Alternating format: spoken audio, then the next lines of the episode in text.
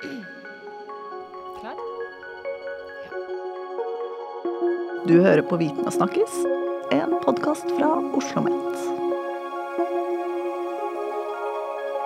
Hi, and welcome back to an OzoMet Met podcast, Viten og snakkes. My name is Carla, and I am your host today. I am joined here by Andre Brottkorb and Gustavo Mello. Hi, guys. Welcome. Hello. Hello. First thing I wanted to ask you is uh, your job titles here at Oslo Met. What is it that you do here, and what are your roles? If maybe Andre, if you would like to answer. Sure, I'll, go first. So, uh, my job title is uh, associate professor and head of the mathematical modeling group. So it's a split position uh, where I do part-time uh, administrative work, uh, sort of leadership work, and part-time teaching and research. Excellent. And Gustavo? Well, like Andrea, I am also a 50% associate professor in the same department, computer science department, and 50% leader for the artificial intelligence group, which is a subsection of the, the same department that's computer science. On top of that, I accumulate one function, which is to lead a project uh, called Artificial Intelligence Lab, who is involved in many activities uh, and start try to start collaborations with other departments in uh, OsloMet. Excellent. I wondered what sort of led you here to Oslo Met. Okay, so this is kind of a, a long. Like, there is a long answer and a short one. so let's start with the short one. Yeah. Uh, my background is actually in psychology. I started as actually as a graphic designer, Yeah. then uh, clinical psychologist, then uh, neuroscientist. I worked for a while in Champalimaud in Portugal and studying time perception. Mm-hmm. And then I moved to Norway to study astrocytes and how they uh, affect how we process information. Happens that is really hard to understand that in the brain, so it's easier when you have simulations mm-hmm. because you understand every single part of what you're creating. Mm-hmm. That's what made me move into artificial intelligence. So essentially, it's a long journey trying to understand how we perceive the world, how we understand, how we learn about it. Just that I failed many times coming from psychology and biology. Now I'm giving a shot in uh, computer science. Like Gustavo's background is really interesting. He has such a wide experience, and I feel kind of shallow, or perhaps more more in depth than your your breadth Or there. focused. Yeah, Focused well, is the focused. word. I, I don't know if I'm focused either, but uh, so I I um, did my PhD at the University of Oslo, um, uh, at actually at Sintef, which is a Norwegian non-profit organization, and then I worked there for about ten years. Uh, then I worked uh, one year here at OsloMet, actually teaching as a kind of like a sabbatical from uh, from Sintef, um, and I really enjoyed the teaching. Um, and I kept my position as a twenty percent. Uh, so I've been teaching simultaneously as researching at Sintef. Then I had a year at the meteorological um, office in, in Norway, and that was really interesting working with uh, volcanoes and uh, nuclear um, uh, isotopes in the atmosphere. And then I came here full time to work- do this uh, leadership work and and teaching full time. So it's um it's not as focused, but it's not as broad as yours, Gustavo. You guys are, agree. in my opinion, you guys are fascinating. Um, I did notice looking at your background that you were more perhaps mathematical based. Am I right in saying that, perhaps, or no? I think, uh, or I don't know. Um, uh, it's comparing apples and pears, I think. But uh, my background is definitely within uh, like computer science and mathematics. The intersection between those and sort of coupled with physics. That's my my main background, definitely.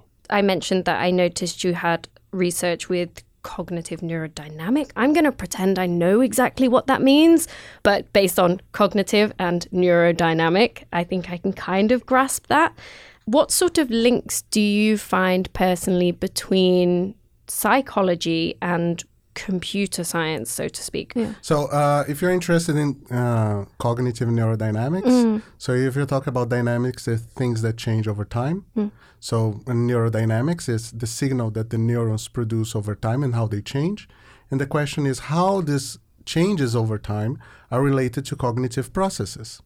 So, essentially, that's what we mean when we say cognitive neurodynamics. Mm.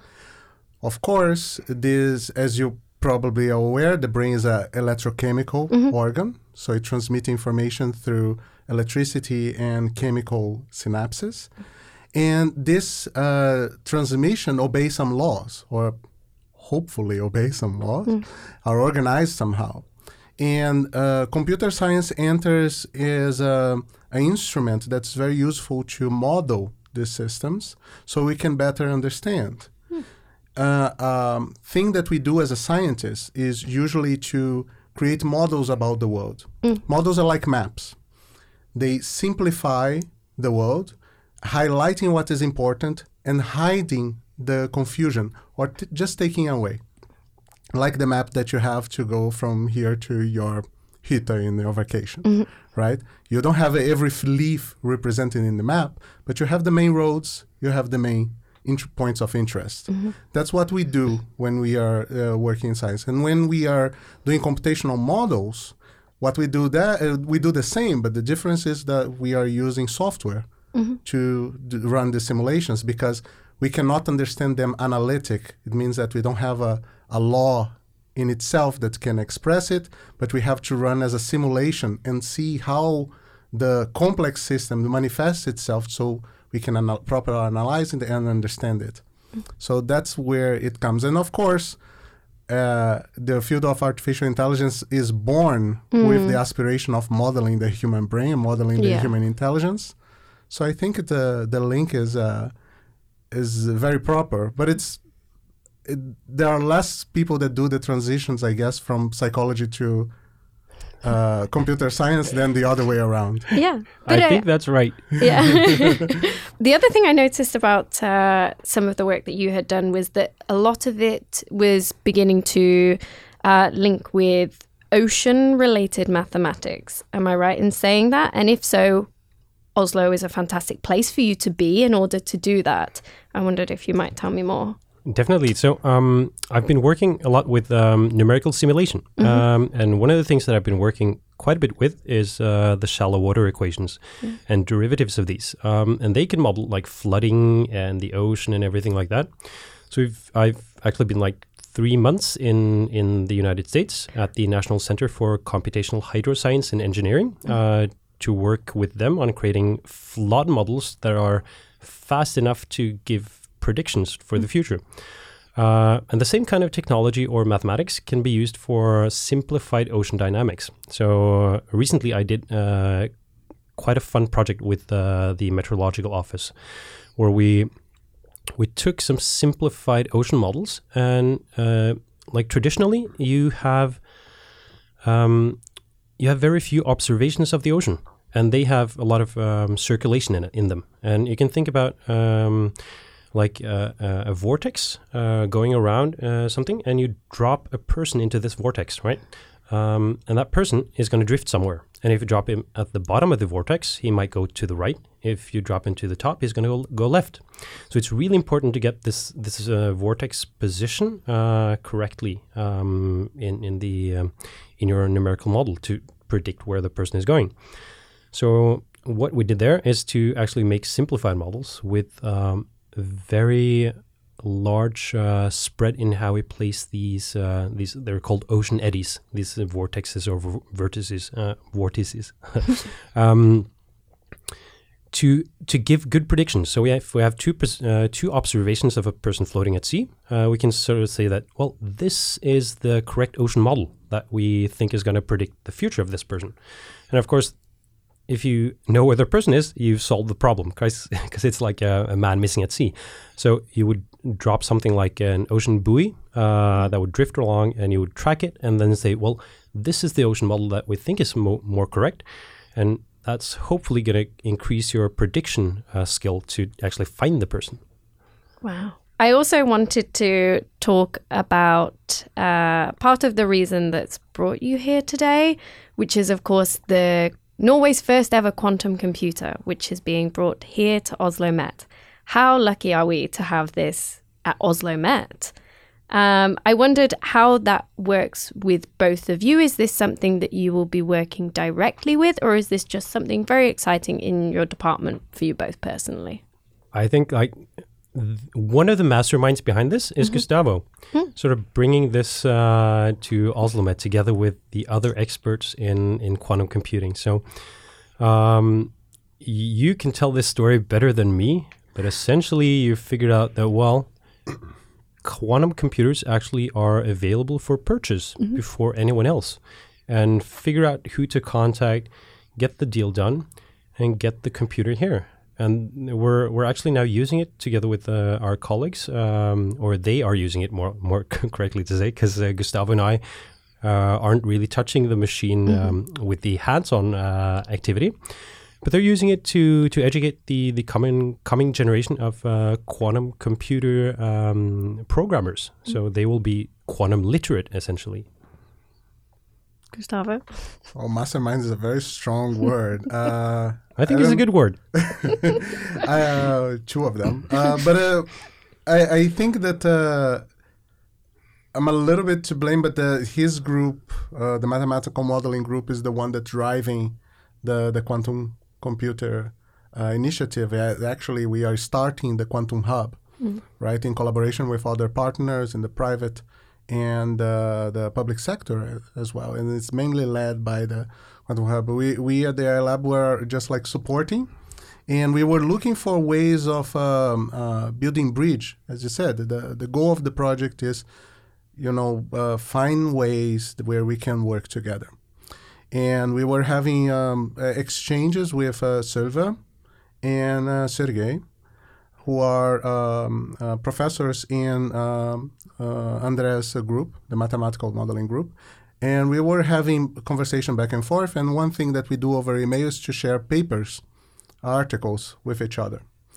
And in one of the conversations, I don't remember who said, I think was Sergey, mentioned that, hey, uh, there is a company in China that is going to be commercializing um, uh, the first quantum computer that's commercially available. And I made a note and I put in my Mendeley just to search for that in the in, in papers and articles. Nothing happened for a while, and then suddenly there was one email with a like, oh, this is the the commercially available uh, quantum computer. Here are the status. But I honestly, that sound like Greek to me. So what I did was like, hey, this is really cool. Hey Sergey, why don't you take a look at this? Yeah. and he came back to me and say like yeah sounds really solid. Uh, the science is is really uh, clear. It seems that that is an actual quantum computer because you know we never know. Yeah. and i look at the pockets of the lab and say like what we can buy one. Let's do it.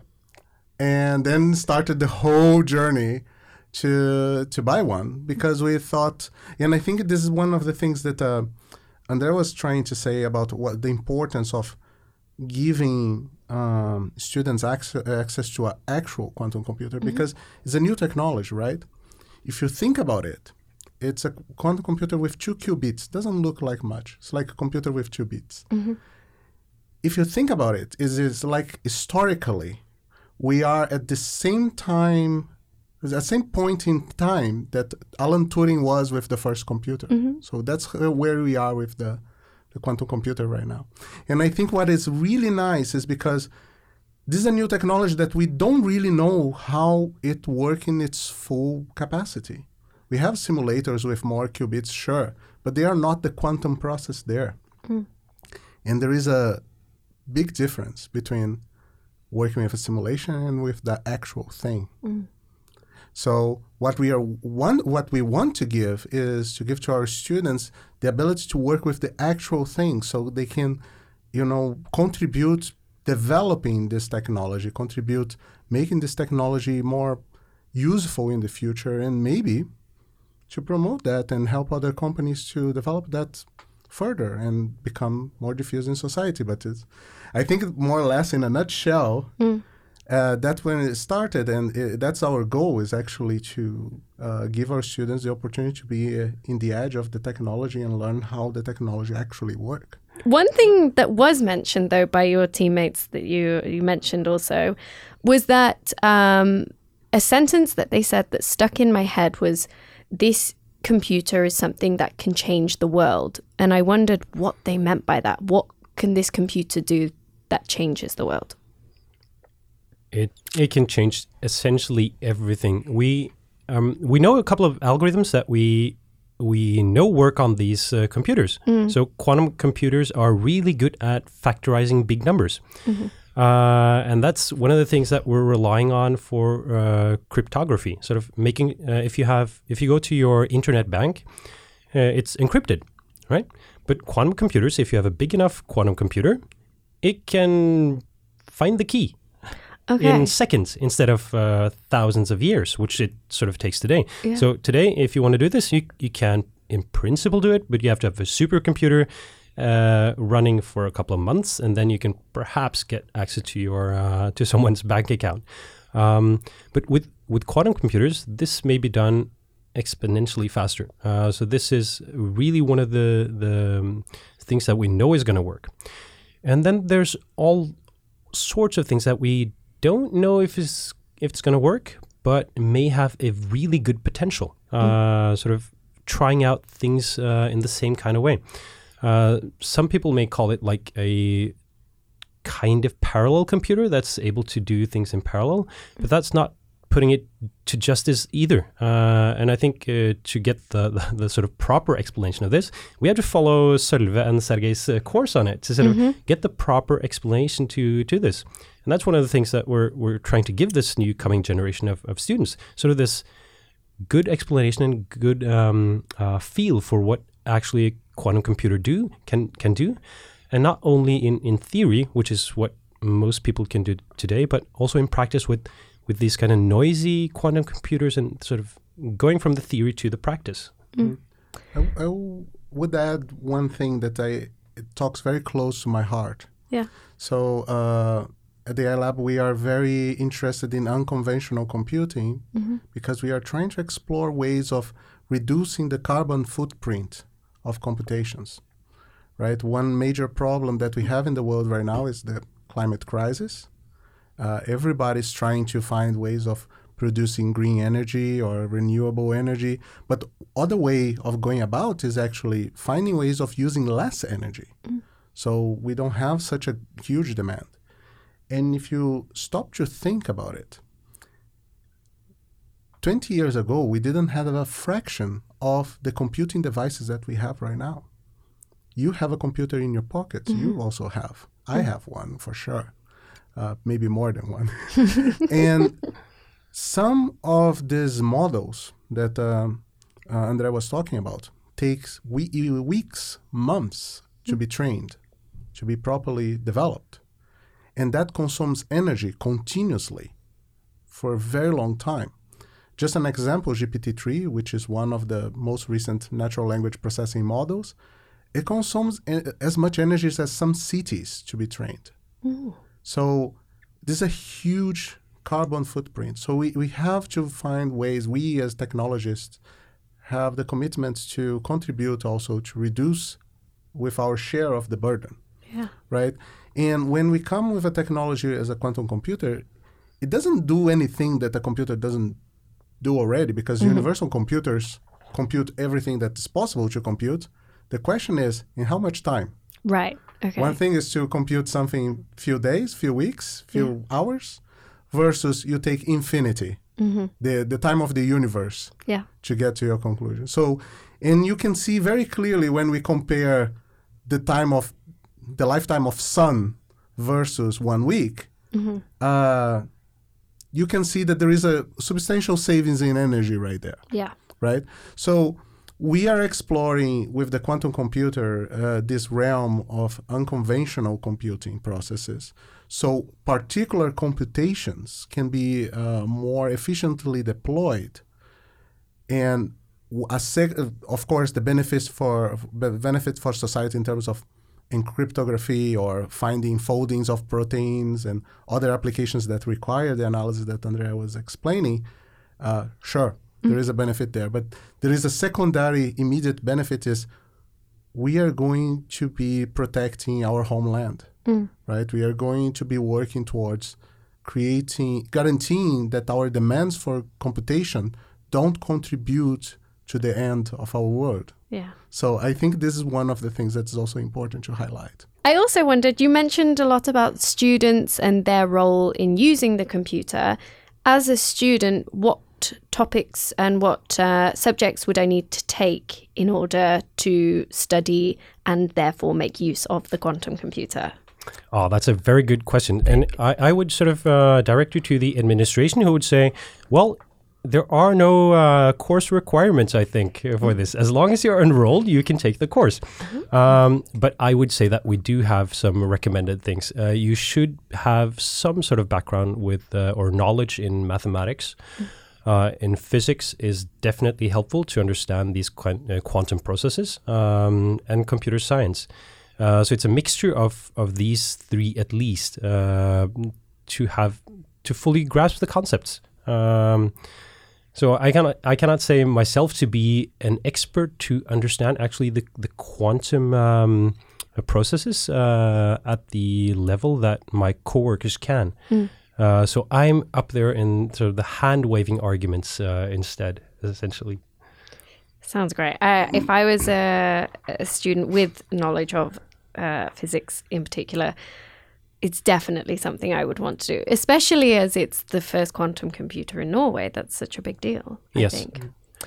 as I said, there is no formal background. But I, I think one one thing that is core here is is the for a future student that is interested, right? It can start with the path of learning the, the linear algebra, the calculus necessary, some programming language, and have a deep interest on you know physics and the quantum computing. I think that is at least the very, very, very minimum Yeah. uh, to start. And we are trying also to open the the course that we have right now. We we don't have it in place yet, but we are exploring possibilities to open to a broader community, so students from other universities can uh, take part in our course as well. This shows sort of the interest in quantum computing. That it's not only a local Oslomet thing. Uh, it's not something that just we care about. It's uh, something that we care deeply about. But there's also interest nationally. Uh, and if you look internationally, like Germany's just bought their huge quantum computer. Finland has their quantum computer.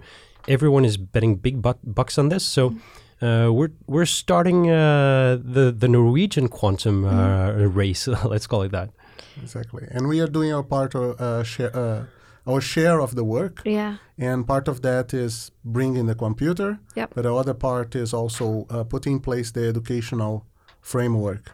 And uh, Andreas Group is the main, uh, let's say, group leading this uh, initiative here. And uh, hopefully, maybe by mid of the next year, we can bring, uh, maybe come back and bring good news about. the- Yeah. That would be very nice. yes. I really hope so. Yeah, and this is also important because it um, it sort of shows us um, we want to collaborate with with other institutions. We don't want to just isolate ourselves as an island.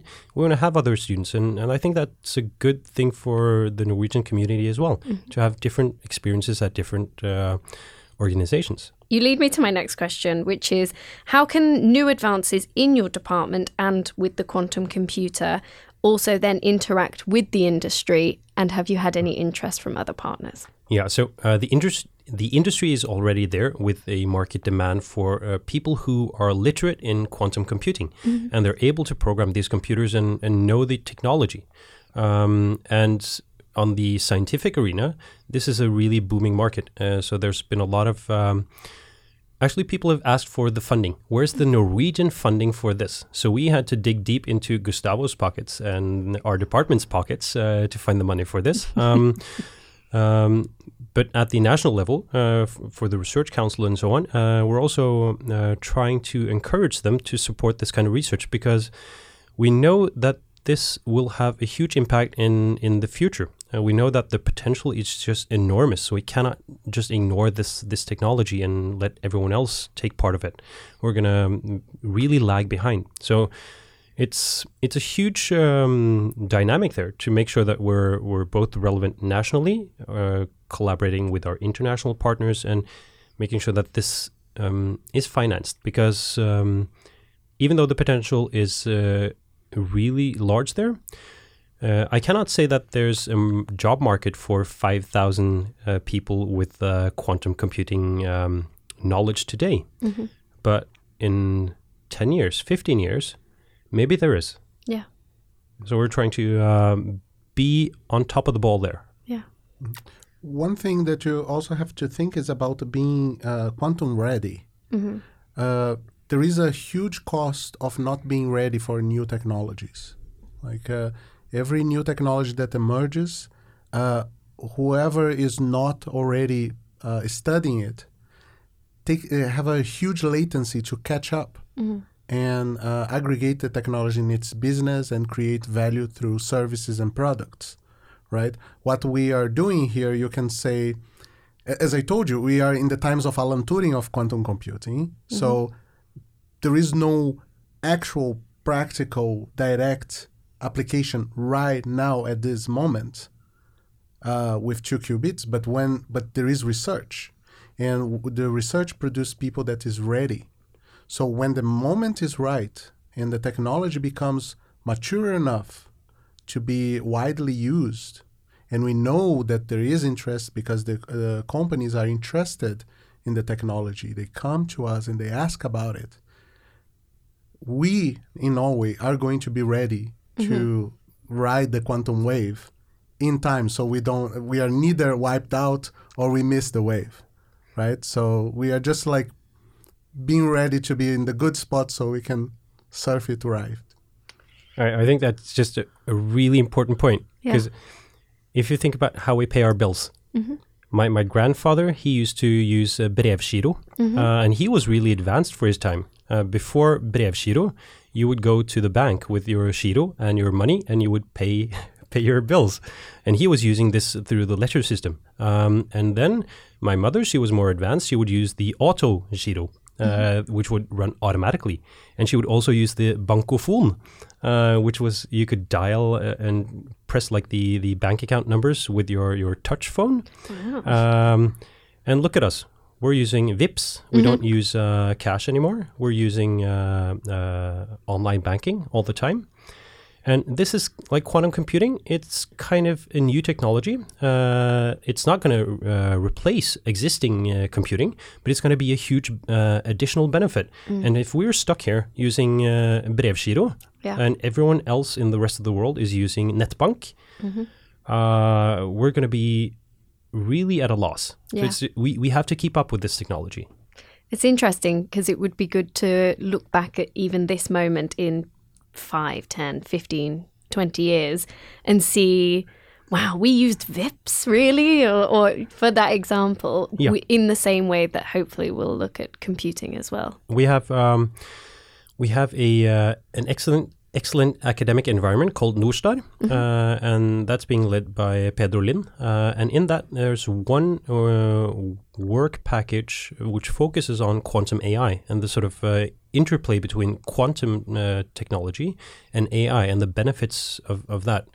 Uh, so that's like one of the big things that's which is growing as a um, huge potential, and that's one of the, the one of the things that's uh, good potential about quantum computing. And also, these master students that come in, those are really nice. So now we have master students coming in and doing their uh, real research on these quantum computers. So they've they've gone through the coursework with uh, Sølve and Sergey, and now they're doing their independent research, uh, which in my mind is going to end up with the publication quality uh, work uh, when they're finished. So that's sort of the the thing that we are aiming for with these uh, So if we are talking about the the department, I uh, the list does not has end. It's, it's Uh, too long. It, it's too, it does not have end. It's it's, it's really exciting times. We are doing a lot of things, and uh, yeah. uh, uh, at least uh, we are trying to bridge, you know, with the quantum computing, with the uh, arts. We are trying to get uh, some projects with uh, the arts department and uh, uh, the Munch Museum. Uh, we have some projects running with uh, data journalism. So how uh, artificial intelligence can help with uh, um, finding leads in, uh, in in that regard. My particular interest is also in unconventional computing. is what's called uh, neuromorphic computing. So it's a field that tries to mimic the brain to generate computations. Has also implications for for um, the carbon footprint, but this is a line of research that I am trying to start right now. and uh, but it, it will take a little bit of time because we have right now prioritized uh, other lines of research. But there is one project that I'm very excited about. That's actually the only project that I minimally touch with the quantum computing. Is that we um, saw a few months ago a paper on um, mathematical demonstration of implementing uh, a simulation of a biological neuron with the quantum computer and use two qubits, but it was a mathematical demo, uh, demonstration. So what we want to do is to do the experiment. Right. So we are going to run that, and maybe in a few months we can, or one year, we can uh, come back and talk about this. But this I'm really excited about, uh, and this is uh, Sergey and Sølve will be helping me with the quantum part, and I'll come with the more biological inspiration part. But that's the the closest that I get to the quantum computer. Yes.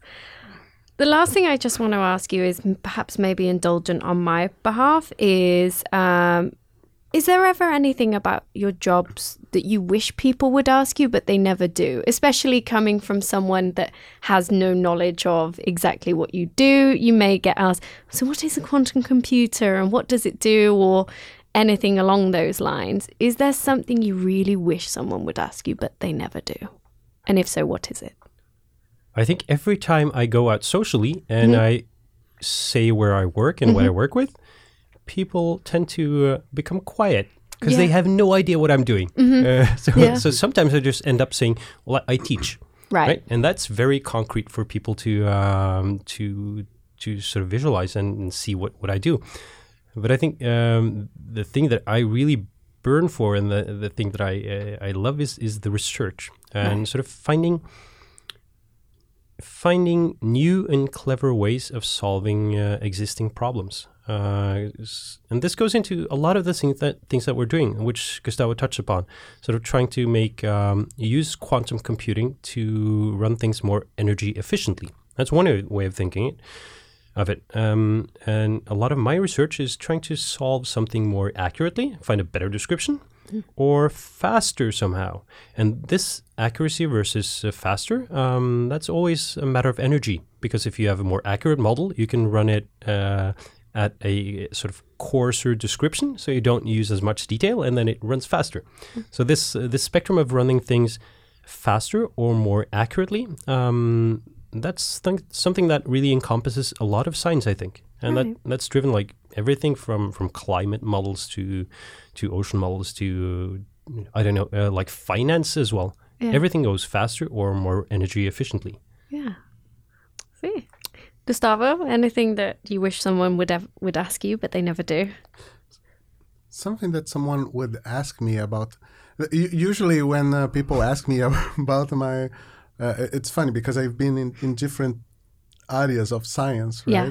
So I think that people asked more questions when I was working in uh, neuroscience because when I was asking in psychology, people got afraid that I was analyzing them. Oh yes, Yeah. yeah, yeah. for whatever it. reason. It's like you're working psycho- I work in psychology. Oh, okay, and they fold their arms. yeah, but uh, I think it's not much about uh, um, a question, but uh, I think that um, what I'm missing is that now technology is so ubiquitous, it's so out in your face that you don't see it anymore right. And I I would like to have the opportunity to have the conversation uh, with people about like, look, uh, there is a wonderful thing that took like practically the whole humanity to bre- uh, to build, like this computer here.